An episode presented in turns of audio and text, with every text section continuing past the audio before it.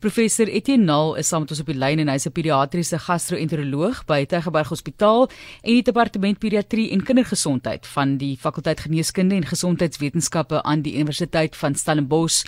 En as jy mens nou kyk na Afrika Dag en kindervoeding, dan dink jy baie keer aan ander lande en dan hoor jy van in die Oos-Kaap waar daar kinders doodgaan uh van wanvoeding en ja net hongerte. Dokter Nel, dit is maar iets is 'n moeilike pil om te sluk om te weet jy sit in Suid-Afrika in 'n land waar jy hoop mense na gekyk word ten minste as dit kom by kos en dan is kinders besig om dood te gaan. Ja ja, ehm um, middag Marlies, ja, baie dankie vir die uitnodiging om te praat vanmiddag. Ehm um, jy's korrek, ja, ehm um, ten spyte van die feit dat eh uh, Suid-Afrika uh, oor die algemeen 'n betreklike goeie ekonomie het in vergelyking met die res van Afrika. Uh, bly ons sukkel met die probleem van ondervoeding by kinders en uh onlangse studies het getoon dat ten spyte van verskeie pogings wat aangewend is om dit aan te spreek uh die voorkoms van ondervoeding nog steeds onaanvaarbaar hoog in, in ons bevolking is. Kan jy vir ons net 'n idee gee van wat is die kruks hierso? So wat is presies presies wanvoeding? Hoe definieer jy dit en wat is die rede daarvoor? Want soos ons sê, mense wil amper sê daar is nie 'n tekort aan kos nie, dis 'n tekort aan toegang tot kos. Ons weet hoe baie kos weggegooi word en verskeie inisiatiewe waar mense wil intree en sê maar winkels moet die weggooi nie, moenie dit net weggooi nie. Probeer daardie bestanddele gebruik, probeer dit versprei na mense wat nie toegang het tot kos nie. Ja, goed nee. Nou dis 'n baie goeie vraag. Jy weet wat is uh wanvoeding dan? Ehm uh, so wat meestal het ons die uh, indruk dat wanvoeding verwys slegs na die ehm uh, lae inname van jy weet wat ons noem makronutriënte. Dis nou te min energie en te min proteïen. Maar dit is 'n baie wyeer konsep as net dit.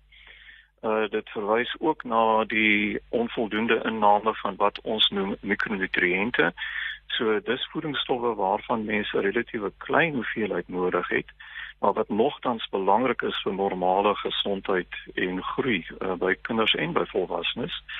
Ehm um, so ons praat hier van vitamiene, uh, goed soos yster en sink en selenium. En dan moet ons ook onthou dat ten spyte van die feit dat ons nog steeds 'n groot probleem het met ondervoeding in Suid-Afrika, wanvoeding ook verwys na oorvoeding. En so in Suid-Afrika het ons wat dikwels verwys word na die dubbele las van wanvoeding waar ons 'n groot uh gedeelte van ons bevolking het ondervoed is, maar terselfdertyd het ons die hoogste vlak van vetsug uh in die vasteland. Ehm um, so ons word gekonfronteer met hierdie dubbele las van uh wanvoeding. So dis die eerste vraag is wat is uh wanvoeding?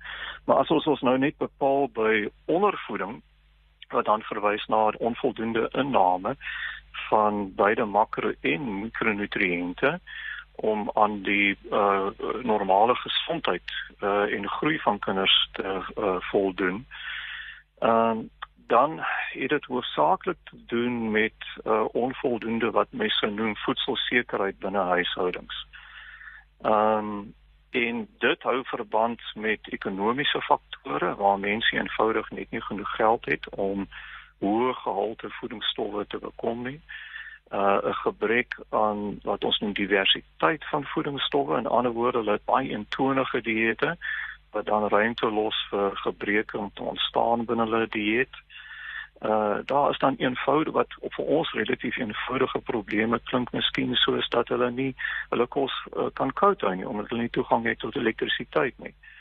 Uh so dit is 'n redelike komplekse probleem om aan te spreek uh in 'n land soos Suid-Afrika waar daar groot ehm um, jy weet ongelykheid is ten opsigte van ons ekonomie en uh, waar daar groot dele van ons bevolking is wat in omstandighede lewe waar hulle dan nie toegang het tot ehm um, voldoende en korrekte gehalte van voedingsstowwe nie. Maar maar lees ek net een punt hier uitbring is nee waarom kindervoeding? Waarom is dit vir ons so belangrik? En daar is hierdie konsep van die eerste 1000 dae. En dit verwys na 'n uh, swangerskap en dan die eerste 2 jaar van lewe. En dit is 'n kritiese tydperk tydens die ontwikkeling van 'n kind, beide vir breinontwikkeling, vir groei, maar ook ons weet dat ondervoeding in hierdie tydperk dikwels dan ook langtermyn gesondheid tot nie volwasse jare kan beïnvloed. Dit beïnvloed hulle vermoë byvoorbeeld om produktief in die arbeidsmark in te tree.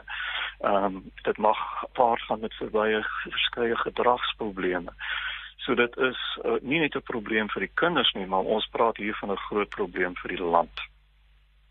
Jy is ingeskakel by 360. Ons gesels op Afrika Dag oor wanvoeding, spesifiek dan nou die toegang van kos vir ons kinders in hierdie land en die res van die kontinent. Is daar spesifieke areas in Suid-Afrika waar jy sien groot groot uitdagings is? Ek weet jou perspektief perspektief liewer kom van Tygerberg Hospitaal af. Is daar weier waar jy kyk na die groot uitdagings en behoeftes in Suid-Afrika? Ja, so die mees onlangse inligting wat ons het kom van die sogenaamde Demographic and Health Survey wat uh, in 2016 gedoen is. Uh dit het wel getoon dat sekere provinsies 'n hoër voorkoms het van ondervoeding by kinders. Maar ten spyte van die feit en dit is dan spesifiek Gauteng en die Vrystaat op die oomblik bly in die Oos-Kaap jy weet bly die vlak onaanvaarbaar hoog in alle provinsies in ons land. Oor die algemeen is dit geneig om 'n bietjie erger te wees in landelike areas vergeleke met stedelike areas. Ehm um, en dan uit die aard van die saak is die probleem groter dan in mense waar die huishoudelike inkomste laag is.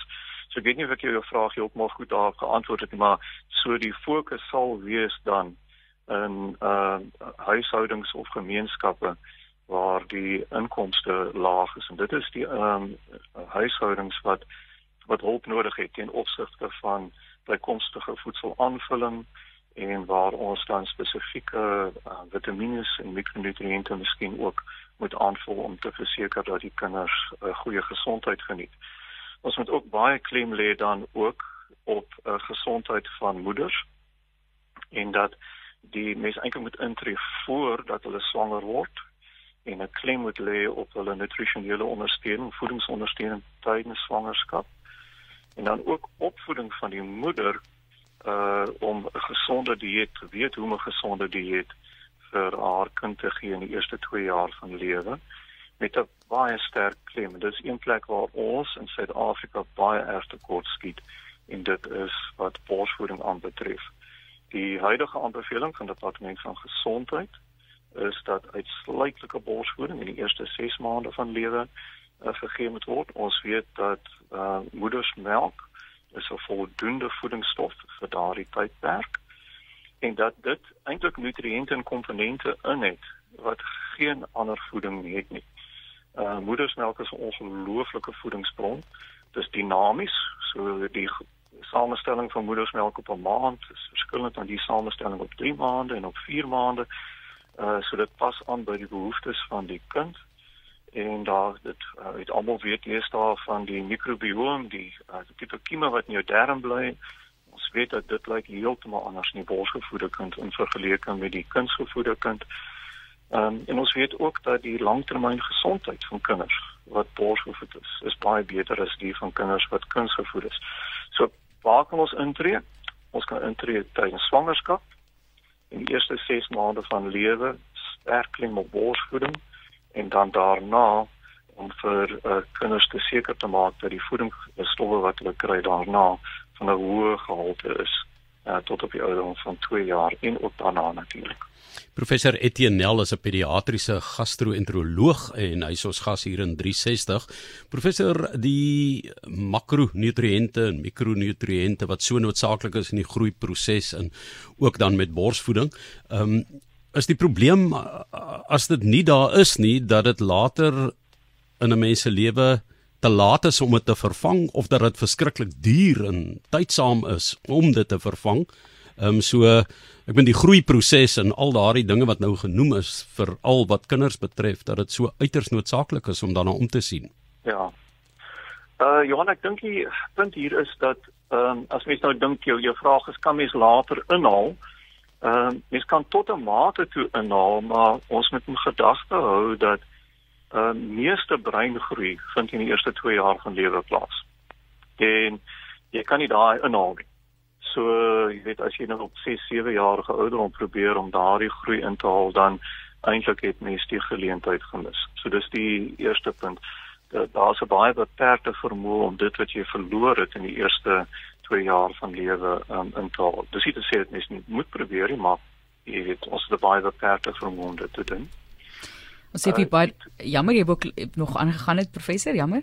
Ekskuus tog ja, en dan die ander uh, idee is net om bewus te wees Ehm um, en dit is nou uit navorsing wat uit Europa uitgekom het en uh Indië en ander areas is dat kinders wat lae geboortegewig gehad het, in ander woorde, hulle is klein gebore en dan ondervoed was in die eerste maande van lewe dat indien hulle dan later in hulle lewe in 'n omgewing inbeweeg van kom ons sê voedseloormaat dan doen hulle eintlik nie baie goed as volwassenes nie. Hulle word vetsugtig, hulle kry hartsiekte, kry hoë bloeddruk, dit wat ons uh, ken as metabooliese sindroom.